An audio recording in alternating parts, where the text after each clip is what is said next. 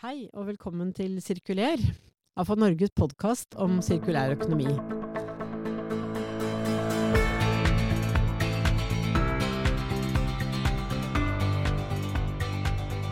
Mitt navn er Nancy Strand, og gjest i dag er Preben Karlsen. Vi skal snakke om ombruk, nye forretningsmodeller og i det hele tatt grønn omstilling. Så velkommen til deg. Tusen takk. Du, eh, mange, i hvert fall noen, kjenner deg kanskje best som daglig leder i kommunikasjonsbyrået Trigger. Eh, men eh, for noen år siden, tror jeg i hvert fall, våknet en gründer som sa hei, jeg vil, eh, jeg vil starte nye ting, jeg vil gjøre noe annet. Så, så mm, Og bærekraft tror jeg veldig fort ble en sånn rød tråd i det som du har jobbet med. Så hva skjedde? Nei, det har vel vært en, en, slags gradvis oppvåkning, vil jeg si. Jeg har jo vært gründer siden 2010, uh, hvor jeg startet opp Trigger da. Og så vokste vi veldig og hadde en, en kjempereise. Uh, fra null til litt over 60 ansatte i løpet av de fem-seks første årene. Uh, og så, parallelt med dette, så, så, fikk vi litt andre type oppdrag av kundene våre. Fra å jobbe veldig kampanjeorientert til å jobbe mer med posisjoneringsstrategier og merkevareutvikling, altså de lange løpene. Og det var da det begynte. Uh, for da uh, er det jo noe med at du trenger innsikt, da, ikke sant. hva er det du skal posisjonere disse selskapene for å møte? og da ansatte jeg folk som kunne det, og så var jeg ganske sentral i mye av strategijobbinga. Uh, og når du jobber da i den ene bransjen etter den andre med alle de store aktørene omtrent, på, og, og, får da tilbakemelding på veldig mye av de samme tingene, uh, så begynner det å demre noe, da. Uh, og, det handlet jo om primært to ting som var helt avgjørende. Det ene er jo digitalisering, og det andre er sosial og miljømessig bærekraft. og når disse tingene begynte å, å, treffe kundene våre, så så jeg vel etter hvert også at det kanskje kom til å treffe Trigger, og da satte vi i gang ganske mye innovasjon internt. som ble starten på slutten i Trigger for min del. vi laget først en sånn akselerator. Og vi satte av en god del millioner eh, til å lære, egentlig. Eh, og de millionene brukte vi på å ansette nye folk som kunne andre ting enn oss. Eh, vi kunne kommunikasjon, de kunne teknologi, entreprenørskap, den type ting. Uh, og så begynte vi å investere litt i teknologiselskaper og, og selskaper som, som, brukte teknologi som verktøy på å løse viktige samfunnsproblemer. Det var liksom kjernen i det vi så til, da. Mm. mye for, fordi vi hadde lyst til å, å, lære litt om hvordan man kunne jobbe kjappere og smartere, for det er små tech-startups eksperter på. Uh, I Trigger så hadde vi lagt på oss litt og begynt å bli treige, syns i hvert fall jeg. Så, så da, da, var det nyttig å ta inn det. Og så holdt vi på halvannet år. Uh, drev innovasjon. Uh, lærte, utviklet produkter på innsiden av Trigger. Investerte i nye forretningsmodeller, investerte i ny teknologi også. og en del av det som, som dukket opp inni denne akseleratoren, det passet kanskje ikke så godt inn i Trigger. Hadde andre, andre inntektsstrømmer og modeller enn klassisk konsulting eh, som jo er veldig kortsiktig. Du har en time, du må selge den hvis ikke er timen tapt. ikke sant? Eh, teknologi er en litt annet game. Det er lange løp, store investeringer. Vanskelig å få til å harmonere. Fins miljøer som har klart det, vi klarte det ikke. Eh, så da spant vi ut to, to selskaper av Trigger. Uh, og så jobbet jeg litt med det, uh, og hjelpet til å få det opp. Uh, for jeg var helt investert i alt det nye, og så, og så trivdes jeg godt i den der tidligfasen. Så, så da bestemte jeg meg for å, å drive på der lite grann. Ja. Mm. Og, og, har siden holdt på med, med ganske mange forskjellige sånn typisk tidlig tech-startups, da knyttet til samfunnsutfordringer som jeg av en lang grunn engasjerte meg i. Eh, og gjerne partnerskap med andre som kunne hjelpe meg med å få realisert ting. Og så, og så, så jobbet en stund med masse ulike initiativer. Mm. På den tiden ingenting om sirkulær økonomi, men det kom eh, etter hvert. Eh, ja, ikke sant. Ja. Men vet du hva, så, det, jeg tenker jo når du sier eh, kjappe, altså fordi verden forandrer seg, ting går fort. Mm. Eh, samtidig eh, så er bærekraft eh, noe som, i hvert fall etter min erfaring, krever tålmodighet. Og da må man, begynne, da må man se lange linjer, og, mm. og det er ikke alltid det er de små, kjappe løsningene. Nei, og det har jeg lært en del om, da. Altså, for det så kan jeg ærlig innrømme, da jeg begynte med dette her i 2018, startet det opp for min del, og da kjørte jeg en stor innovasjonsprosess med mange ulike selskaper involvert. Ikea var med på det, Varnegruppen var med på det, Stor-Oslo Eiendom var med på det, Miljødirektoratet var med på det Europris. Det var veldig mange forskjellige bransjer involvert. Men vi jobbet med én felles problemstilling, og det handlet om overforbruk. Eh, og, og, det var da jeg for alvor fikk opp øynene for hvor håpløst vi organiserer økonomien vår i dag, med tanke på, på ressursutnyttelse og materialer. Alt er enveis, ikke sant. og, og og den innsikten som jeg fikk, for jeg rattet hele den prosessen, fra eh, bygg og anlegg eiendom, eh, møbelindustrien, moteindustrien, matindustrien var inn, inn i dette, det, var bare så utrolig slående og traff meg som en sånn knyttneve i magen. Eh, først og fremst fordi veldig mye av de problemene som, som ble omtalt i den innsikten, det begynte vi virkelig å føle på i 2050. Og så begynte jeg å tenke 2050, det er jo kjempelenge til. Eller, eller er det egentlig det? Uh, og, så, og, så, oversatte jeg det til alderen til sønnen min. Og så fant jeg ut at i 2050, da ville han være akkurat like gammel som jeg var da jeg satt og leste den innsikten. Og da fikk jeg helt sånn der Herregud, dette går jo ikke. Se om jeg kan gi, gi det et forsøk. Og så ble jeg besatt av dette overforbruksgreiene. Uh, og, og, det var omtrent samtidig med at regjeringen uh, la frem sin Granavolden-erklæring om at Norge skulle være et foregangsland på sirkulærøkonomi. så jeg tenkte dum som jeg var, at yes, nå skjer det! og så skjedde det jo ingenting.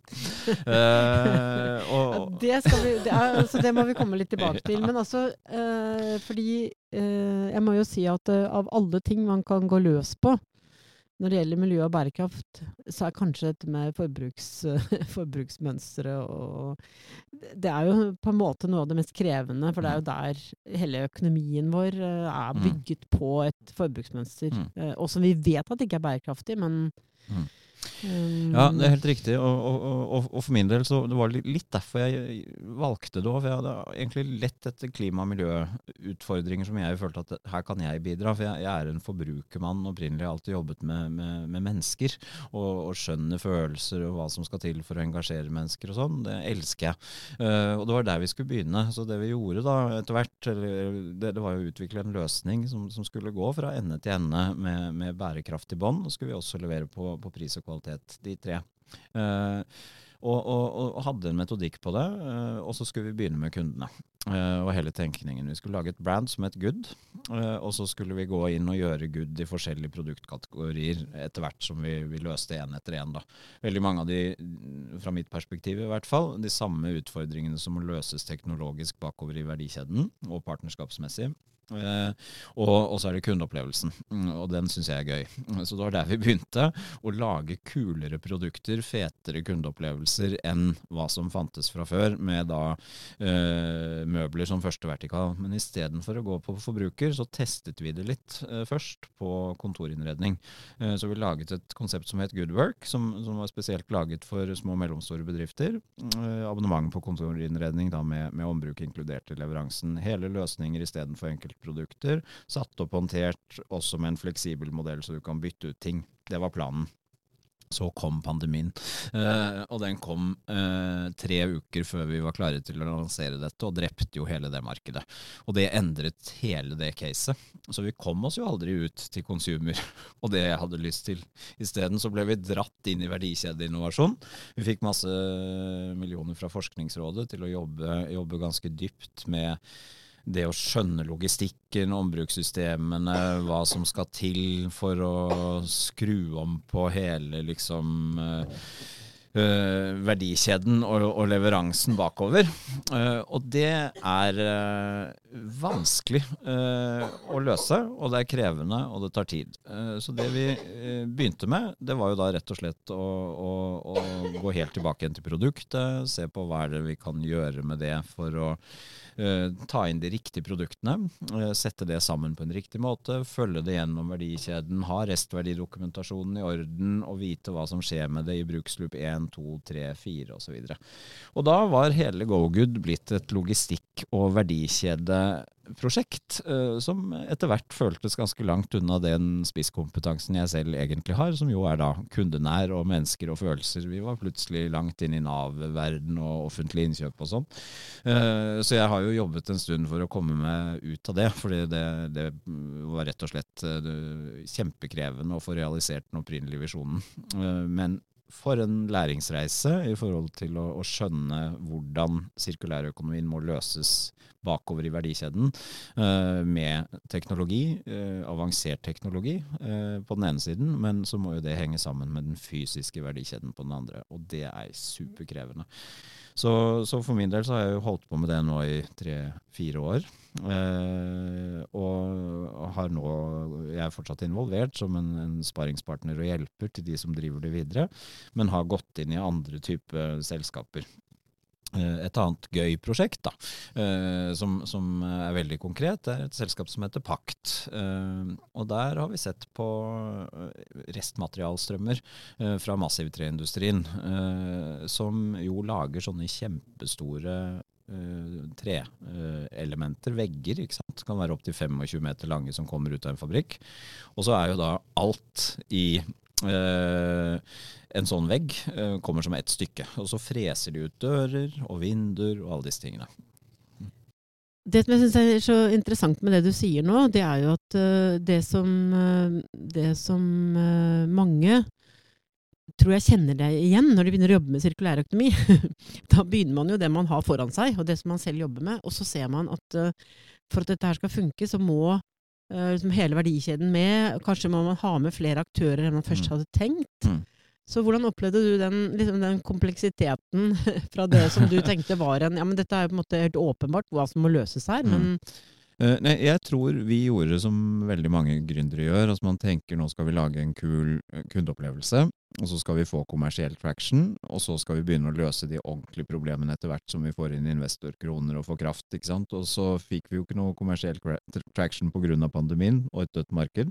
Uh, og da var det egentlig å liksom pivotere seg videre da, og finne ut av hvordan er det vi gjør dette. Men da kom vi inn i hele denne kompleksiteten uh, sirkulærøkonomien alltid vil liksom ha med seg, fordi det handler om fysiske ting som skal flyttes rundt, de skal tas vare på, du må bygge ut moderne reparasjonsfabrikker som ikke finnes, du må finne finansieringsmodeller som gjør det mulig for produsenter å leie ut ting, uh, du må sy alt dette sammen ved hjelp av logistikkpartnere, du, du kan ikke forholde deg til én produsent ofte hvis du skal levere en helhetlig løsning, det er mange, uh, så det, det blir utrolig mange elementer som må funke sammen. Og, og, til syvende og sist så handler jo dette liksom om, om logistikk.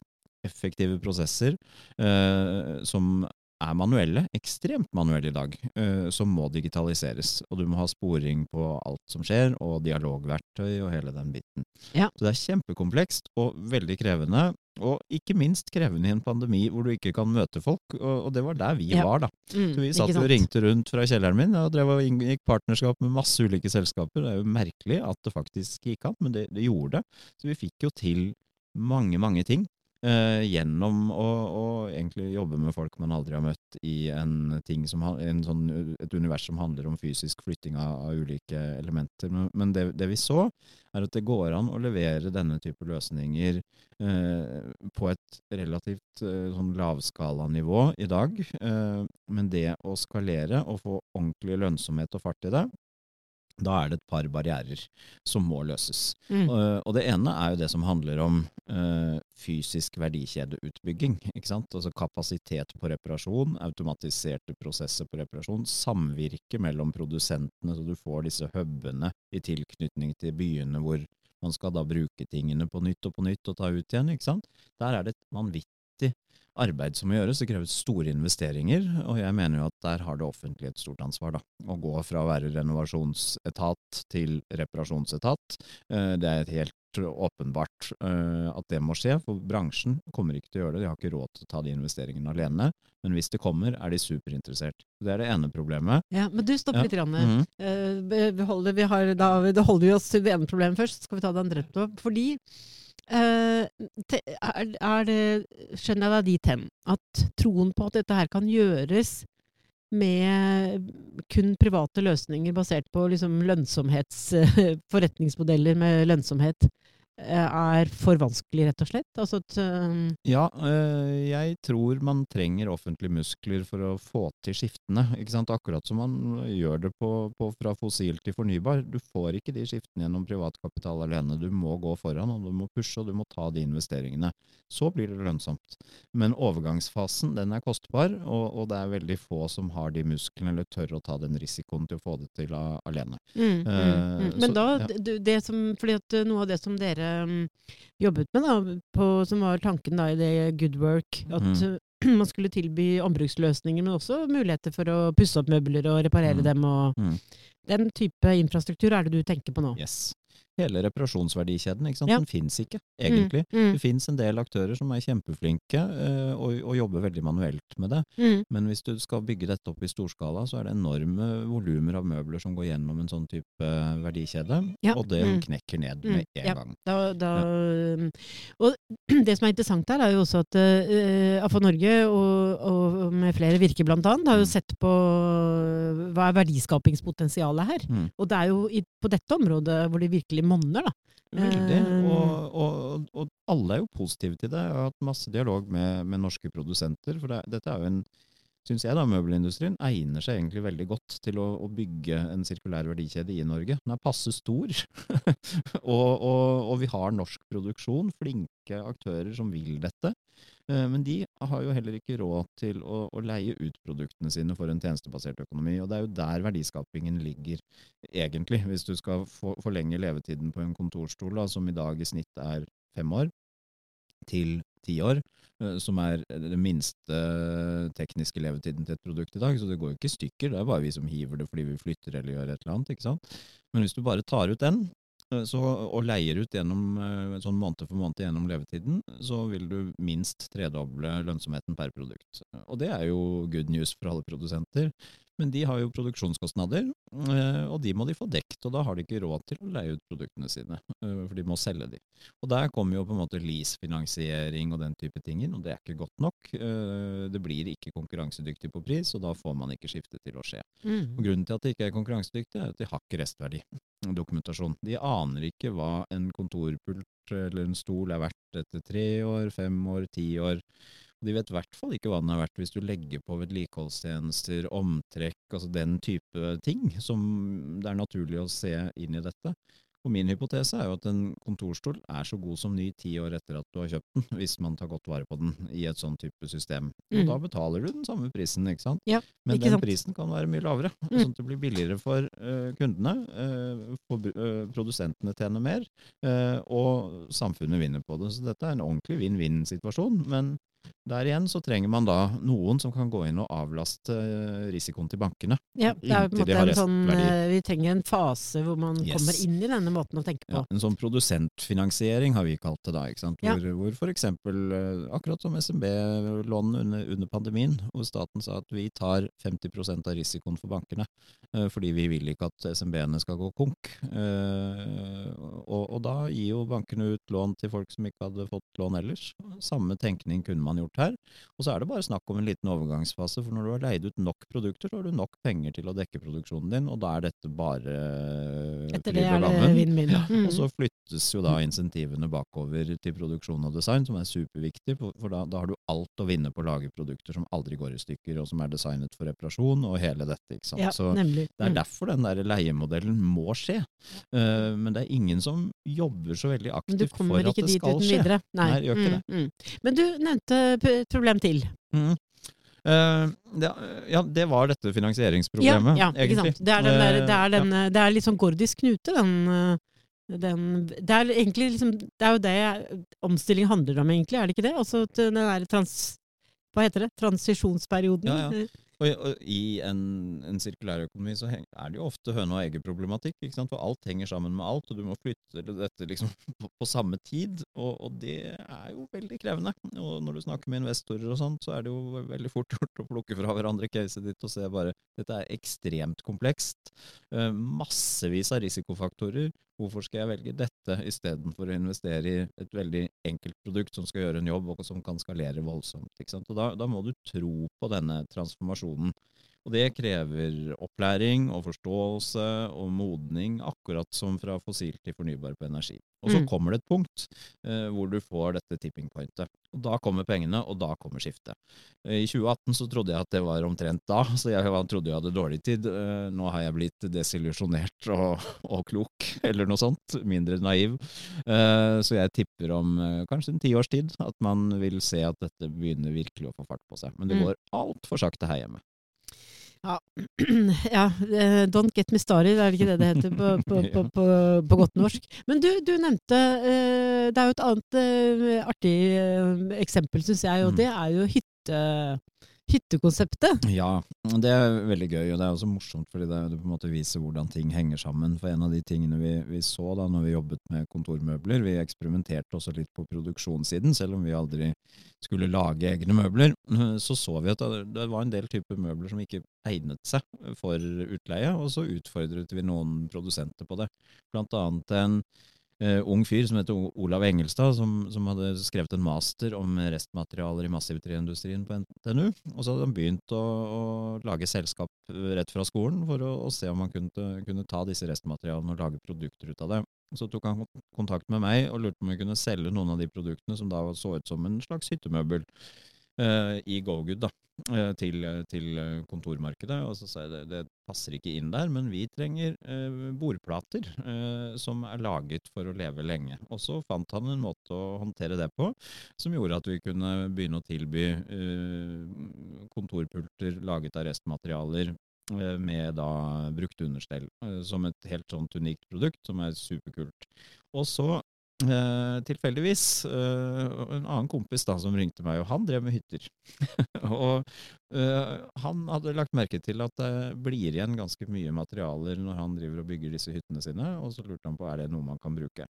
Jeg hadde aldri tenkt på hytte før, så jeg ble hytter interessant, liksom, men, men restmaterialet på byggeplass det er vanskelig å få skala på. Men så, så tenkte jeg han derre Olav, snakket ikke han om massivtreindustrien og, og splitkon og overskuddsmateriale fra deres produksjon, tro?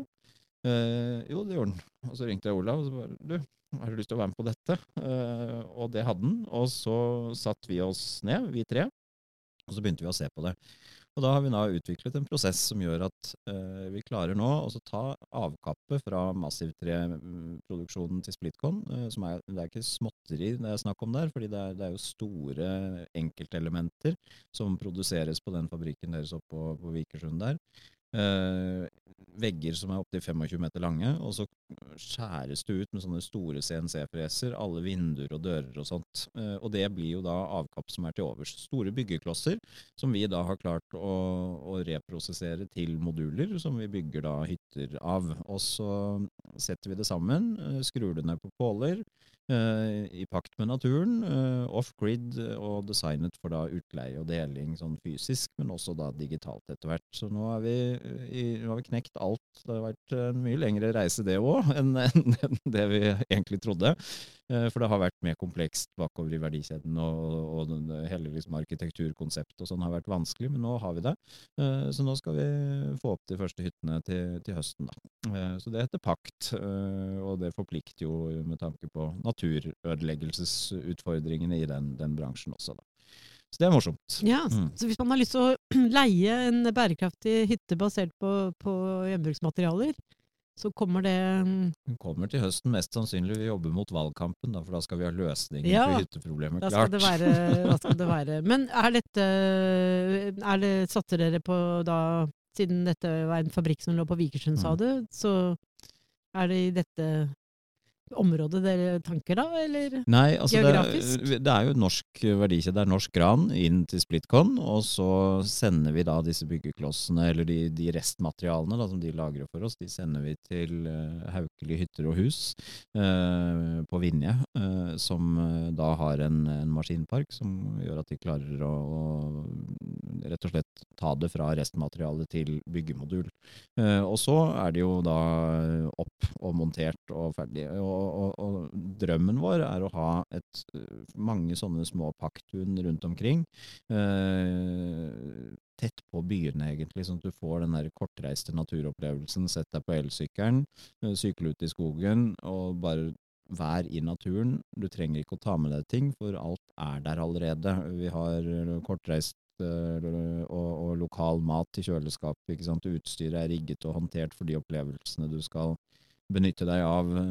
Vi har samarbeid med lokale Eh, aktører som kan ta med deg, vise deg det hemmelige fiskevannet, altså den type ting. Uh, så det, det, er masse gøy som ligger der, så det er jo egentlig en sånn kombinasjon av et hytte- og et reiselivskonsept, men, uh, men, morsomt. Ja, fordi, nettopp. fordi det her er ikke bare en, en, å produsere hytter, dette er et, sånt, det er et lite delingskonsept her, mm. og som du sier, reiseliv. Og det er det, så du kjøper din egen pakthytte, men da vet du også at vi håndterer utleie for deg når du ikke bruker den selv, så du kan velge hvor lenge og alt sånt, men, men så får vi da en, en, mulighet til å tilgjengeliggjøre den hytta til flere, samtidig som de som kjøper det jo vil tjene penger på det.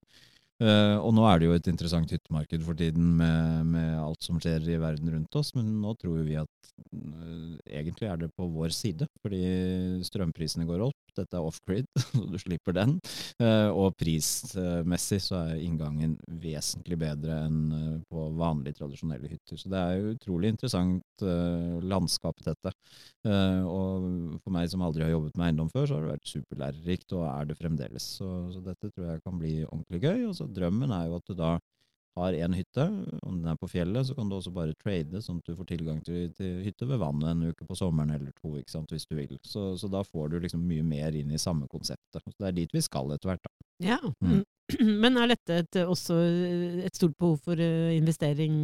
Altså det må det jo være når litt skal bygges og Ja, uh, det er det. Altså det, det trengs uh, noe, men det vi har klart til nå, det er å få med oss grunneiere som lar oss egentlig utvikle på tomta og forhåndsselge. Sånn at det er det som finansierer byggingen. Og så er det utviklingskostnadene rundt dette. Etter hvert må vi investere i en del infrastruktur i verdikjeden for å effektivisere. Og så er det det digitale, da. ikke sant? Altså få opp hele den der community-biten med tjenestepakka og sånn. Det kommer også til å kreve en del. Der finnes det heldigvis ganske mye hyllevare, så vi trenger ikke å gjøre alt fra, fra scratch. Så dette er liksom en helhetlig greie. Men, men, men tenkningen uh, i forhold til ende-til-ende-forståelsen, altså fra, uh, helt fra liksom råmaterialet inn til uh, kundeopplevelse ut, den er ganske lik som, som, det som ligger til grunn for GoGood, og, og den, den, forståelsen der. og Det, det kommer jo fra moderne digital innovasjon i USA, egentlig, hvor de jobber veldig, veldig mye med ende-til-ende-tenkning for å, å, ha kontroll på ting. Og, mm. her er jo hele det bærekrafts- og klima- og avtrykket helt essensielt for oss. Også for å få lov til å bygge disse, disse pakktunene i ulike kommuner. For det, det, er jo noe av det vi faktisk kan klare etter hvert, hvis vi lar naturen være. ikke sant? Mm, mm. Uh, så det er, det er en veldig gøy case å, å jobbe med rett og slett. Ja, mm. Det høres ut som du på en måte får brukt alt du kan og ja, det er, er. Det er, det, er, det er, litt det. Og så, så, er det jo et annet siste selskap da, som jeg, jeg, driver med nå, som er egentlig det jeg bruker mest tid på, etter hvert som jeg har kommet mer og mer ut av, av GoGood og, og sånt. Så, så, er det litt sånn tilbake igjen til formidling, egentlig, og historiefortelling med, med en mediekanal som heter Switch, som vi startet under Arendalsuka nå i høst, og som jeg er godt i gang med og det kommer fra akkurat det samme eh, stedet, egentlig. Altså, det har vært et veldig tydelig eh, behov, syns jeg, underveis, for at man trenger en mye sterkere fokus på de skiftene som må til. Eh, både ut mot forbrukermarkedet, de har sinnssykt mye å jobbe med, og må endre så mye på vanene sine, og det er jo det tyngste som fins men også uh, for å nå frem til politikere på litt andre måter. Uh, og, og, og, det har irritert meg altså grønnjævlig underveis som jeg har sittet med dette. Når, når, du graver i det, liksom, så har man jo en løsning, men når det kommer til stykket, så velger man heller liksom, tradisjonelt. Enten som kunde, eller en politiker som man møter som jatter med og er forståelsesfull, og så, og så, prioriterer de helt annerledes når det kommer til stykket. Fryktelig frustrerende når man sitter og jobber med noe, og du trenger liksom drahjelp fra de som kjøper ting, og de som regulerer ting, og ingenting skjer. Og da har jeg tenkt som så at det jeg jo kanskje kan aller best, det er kommunikasjon. så hvorfor ikke prøve å bygge opp en kanal der hvor vi prøver å gi eh, folk et, et, menneskelig perspektiv på de globale problemene der ute, og også hva som skal til for å løse de. Så dette er tuftet på noe som heter konstruktiv journalistikk, eh, og det handler om at eh, Man skal være kritisk i forhold til problemforståelsen og sånn, men du skal også tillate deg å være mye mer nysgjerrig på løsningene. Mm. Eh, lete etter ting som kan være spennende og riktig på individnivå, på teknologisk nivå, altså innovasjonsnivå i næringsliv, og, og det politiske nivå. Så de tre aksene driver vi og jobber med, og, og har vi begynt med, med mote og tekstil nå, eh, som den første sånn livsstilsvertikalen, og så skal vi se om vi skal inn på mat etter hvert, det er mye som tyder på det, vi tror også vi skal inn på bolig, helse, den type ting. Så det er kjempegøy, og, og litt deilig å være tilbake i en sånn komfortsone, egentlig. ja, det, det, det er lønn eh, Altså, eh, man tenker jo noen ganger at man må, alle må bli oppmerksom på alle problemene, men eh, hjernen vår er jo mer opptatt av å Altså, man må jo se løsningene og tenke hva kan jeg gjøre, faktisk. Da. Ja, og i hvert fall nå om dagen, da. Eh, Det er så mange problemer. Altså, feeden min er full av katastrofer hele tiden. Jeg blir Ja. helt utslitt av det. det er så veldig mange ting som vi ikke kan gjøre noe med. eh, selv statsministeren Altså, vi er, vi er på en måte ganske handlingslammet, da. Men, men øh, øh, hvordan skal du Hvis dette her skal være et eh, levebrød, da. Mhm. Du, du, Mhm. For det er jo ideen Mm. Dette er jo også et community-tanke her. ikke sant? At det er på en måte et, eh, noe du bygger en, en, et, eh, et fellesskap Mm. rundt. da. Ja. Men hvordan skal du kunne drive det? Hvordan får du til å drive det som et konsept? Mm, Det er todelt. altså I starten nå så er det egentlig eh, kommersielle partnere som vi samarbeider med, og som enten kjøper eh, innholdsmarkedsføring og den type ting, eller går inn og er partnere på arrangementer som vi organiserer. eh, For å rett og slett knytte nærmere bånd til kundene sine i, i forbindelse med, med bærekraftig omstilling. Jobber en del med noen klynger og sånt, så det, det er superinteressant, for da får du ganske stor, stor frihet, ikke sant. Redaksjonelle er helt uavhengig, så det kjører vi.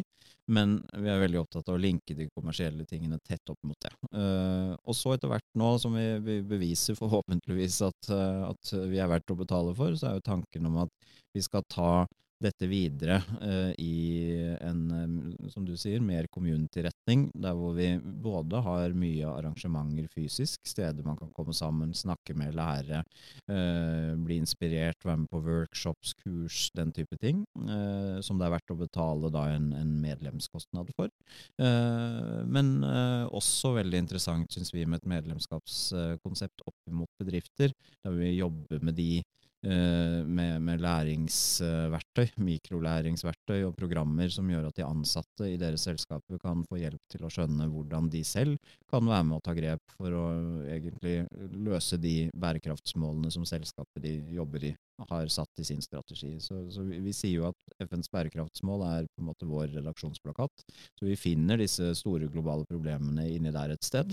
det er jo nok å ta av. Eh, og så prøver vi å oversette det tilbake igjen da, til noe som, eh, som er nært. Eh, og det gjør vi gjennom livsstilsveien. Så det, det er en relativt sånn kompleks forretningsmodell, flere inntektsstrømmer etter hvert. Men aller først så handler det bare om å bevise at vi får dette til, og, og foreløpig i hvert fall så veldig mye positiv respons, og det går bedre og bedre for hver dag som går, og så får vi se. Vi begynner nå snart med masse arrangementer og sånn. Hvis noen vi hører på, eh, som hører på, har ting de har lyst til å sette på agendaen, eh, ta kontakt. Eh, for vi syns jo at eh, den eh, delen av eh, verdikjeden vi snakker om her, som handler om ressurser som går til spille i dag, det er eh, noe vi må slutte med. Så der, der ligger det jo masse, masse spennende ting å ta tak i. Mm, mm. Det er jo Eh, jeg, det, vi, det som jeg syns er litt gøy nå, er jo at vi ser flere og flere eksempler på eh, utnyttelse av ressurser, restressurser fra produksjon. Jeg så dere hadde en liten sak om dette med å produsere eh, klær basert på um, at man lager eh, dressjakker, var det det? Blazer osv. fra møbelstoffer, f.eks., som er rest, restprodukt. Og det kan jo gjøres på veldig mange områder. Og det, så, og det er jo veldig bra at du får et sånt tilfang, og at du får fortalt om det. Fordi jeg tror det skjer veldig mange morsomme og interessante eksempler rundt forbi som det, ikke er kjent, Ja, bortsett fra de som jobber med det. Ja, men det tror jeg du har helt rett i, fordi det, det er i hvert fall sånn Jeg har rota rundt i den gründerverdenen en stund, og, og folk som jobber med gründerskap, de er ikke alltid så gode på å fortelle historiene sine ut. Så det fins masse sånne små selskaper som er de vi må velge. ikke sant? Som kunde må vi støtte de. Hvis ikke så får de det ikke til. Det aller viktigste de trenger, er de første kundene som gjør at de kan gå til investoren og si vi har et marked, og så kan de få lov til å investere ordentlig og bygge noe som, som virkelig bidrar. Eh, men da må de få de kundene, og derfor som, som jeg alltid sagt det er liksom at noe av det viktigste man kan gjøre som eh, vanlig person, hvis man har lyst til å bidra til bærekraftig omstilling, det er også å putte pengene sine i små startup-bedrifter som, som representerer den nye virkeligheten. Da. For det er vanskelig når du Mm. er liten å få det til, og det er gjerne litt dyrere og sånn også, men det er jo mye morsommere produkter, så det er absolutt verdt Mye det. mer personlig. Ja. Men du, eh, sånn helt avslutningsvis, eh, hva, hva, hva, mm, hva er det måte viktigste du selv uh, har lært og erfart gjennom, uh, gjennom denne tiden? Eh, I forhold til sirkulærøkonomi så er det jo kompleksiteten i det. altså Mye vanskeligere enn jeg noen gang hadde turt å, å drømme om, eller eventuelt hatt mareritt om. Eh, og, og, og- og det å få fysisk verdikjede til å omstille seg i, i, både gjennom å endre forretningsmodell, som, som er kjempe, kjempekrevende i seg selv, men i tillegg da skulle koble det opp mot en digital virkelighet som er ganske ny for veldig mange. Det er superkrevende, for det hjelper jo ikke å lage en digital løsning som mange kan samarbeide inn i, hvis de ikke samarbeider. Og mennesker er mennesker, og vi er vanedyr, så vi, vi, vi må virkelig liksom aldri glemme at man må ha med folka, og jobbe skikkelig med det, også når man tar i bruk nye ting. Jeg tror de aller fleste har prøvd å implementere en eller annen form for digital løsning som eh, viser seg å ikke ha, ha blitt implementert. Eh, og, og, og da er det bare å stå i det og ikke gi opp. Så jeg tror det derre stamina genene våre de bør utvikles og dyrkes, for det, det er ikke lett å få til dette. Og det er en, det er en ordentlig maratonøvelse. Jeg har snakket med så mange som er akkurat det samme stedet, kanskje særlig etter å ha holdt på noen år. og bare Herregud, hvor orker vi? Og så er det samtidig Hva er alternativet? Liksom? Det er ikke noe. Man må få det til. Så, så det tror jeg er viktig. eh, og så tror jeg det er kjempe, kjempeviktig at man tillater seg å ha det litt gøy underveis. Og liksom feire de små seierne. Og ikke la seg grave ned av mye motgang og, og aktører som driver grønnvasking og alt som man tidvis kan bli ganske aggressiv på. Men, men bare tenk at det vi driver med, det er bra, og snart så kommer verden til å få opp øynene for det, og da eh, ligger den for mine føtter, sant? ikke sant. Ja, men det tror jeg ehm, Det tror jeg eh, må bli siste ord, eh, Mhm. rett og slett. Vi ender på en eh, positiv note der. Så Preben, tusen takk for at du kom til uh, AFO Norges podkast. Tusen takk for at jeg fikk komme. Og da sier vi samtidig takk til vår produsent i dag, Håkon Bratland. Og takk til alle dere som har hørt på. Vi høres snart igjen. Ha det bra!